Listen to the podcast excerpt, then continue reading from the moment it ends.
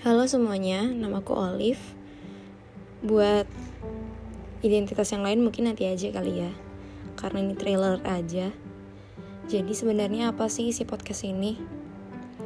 Lebih ke keresahan dan pemikiranku sebagai perempuan yang overthinking dan punya banyak keresahan dan sedang dalam quarter life crisis juga. Jadi punya banyak pemikiran yang rasanya kalau disimpan sendiri jadi nyesek ya sampai kepikiran akhirnya bikin podcast. Syukur-syukur bisa jadi berkat bagi banyak orang, tapi minimal buat diri sendiri lah biar gak nyesek. Buat kalian yang mungkin penasaran dan mau juga ikut mikir, bisa didengerin podcastnya. Jadi ditunggu aja. Semoga hari kalian menyenangkan.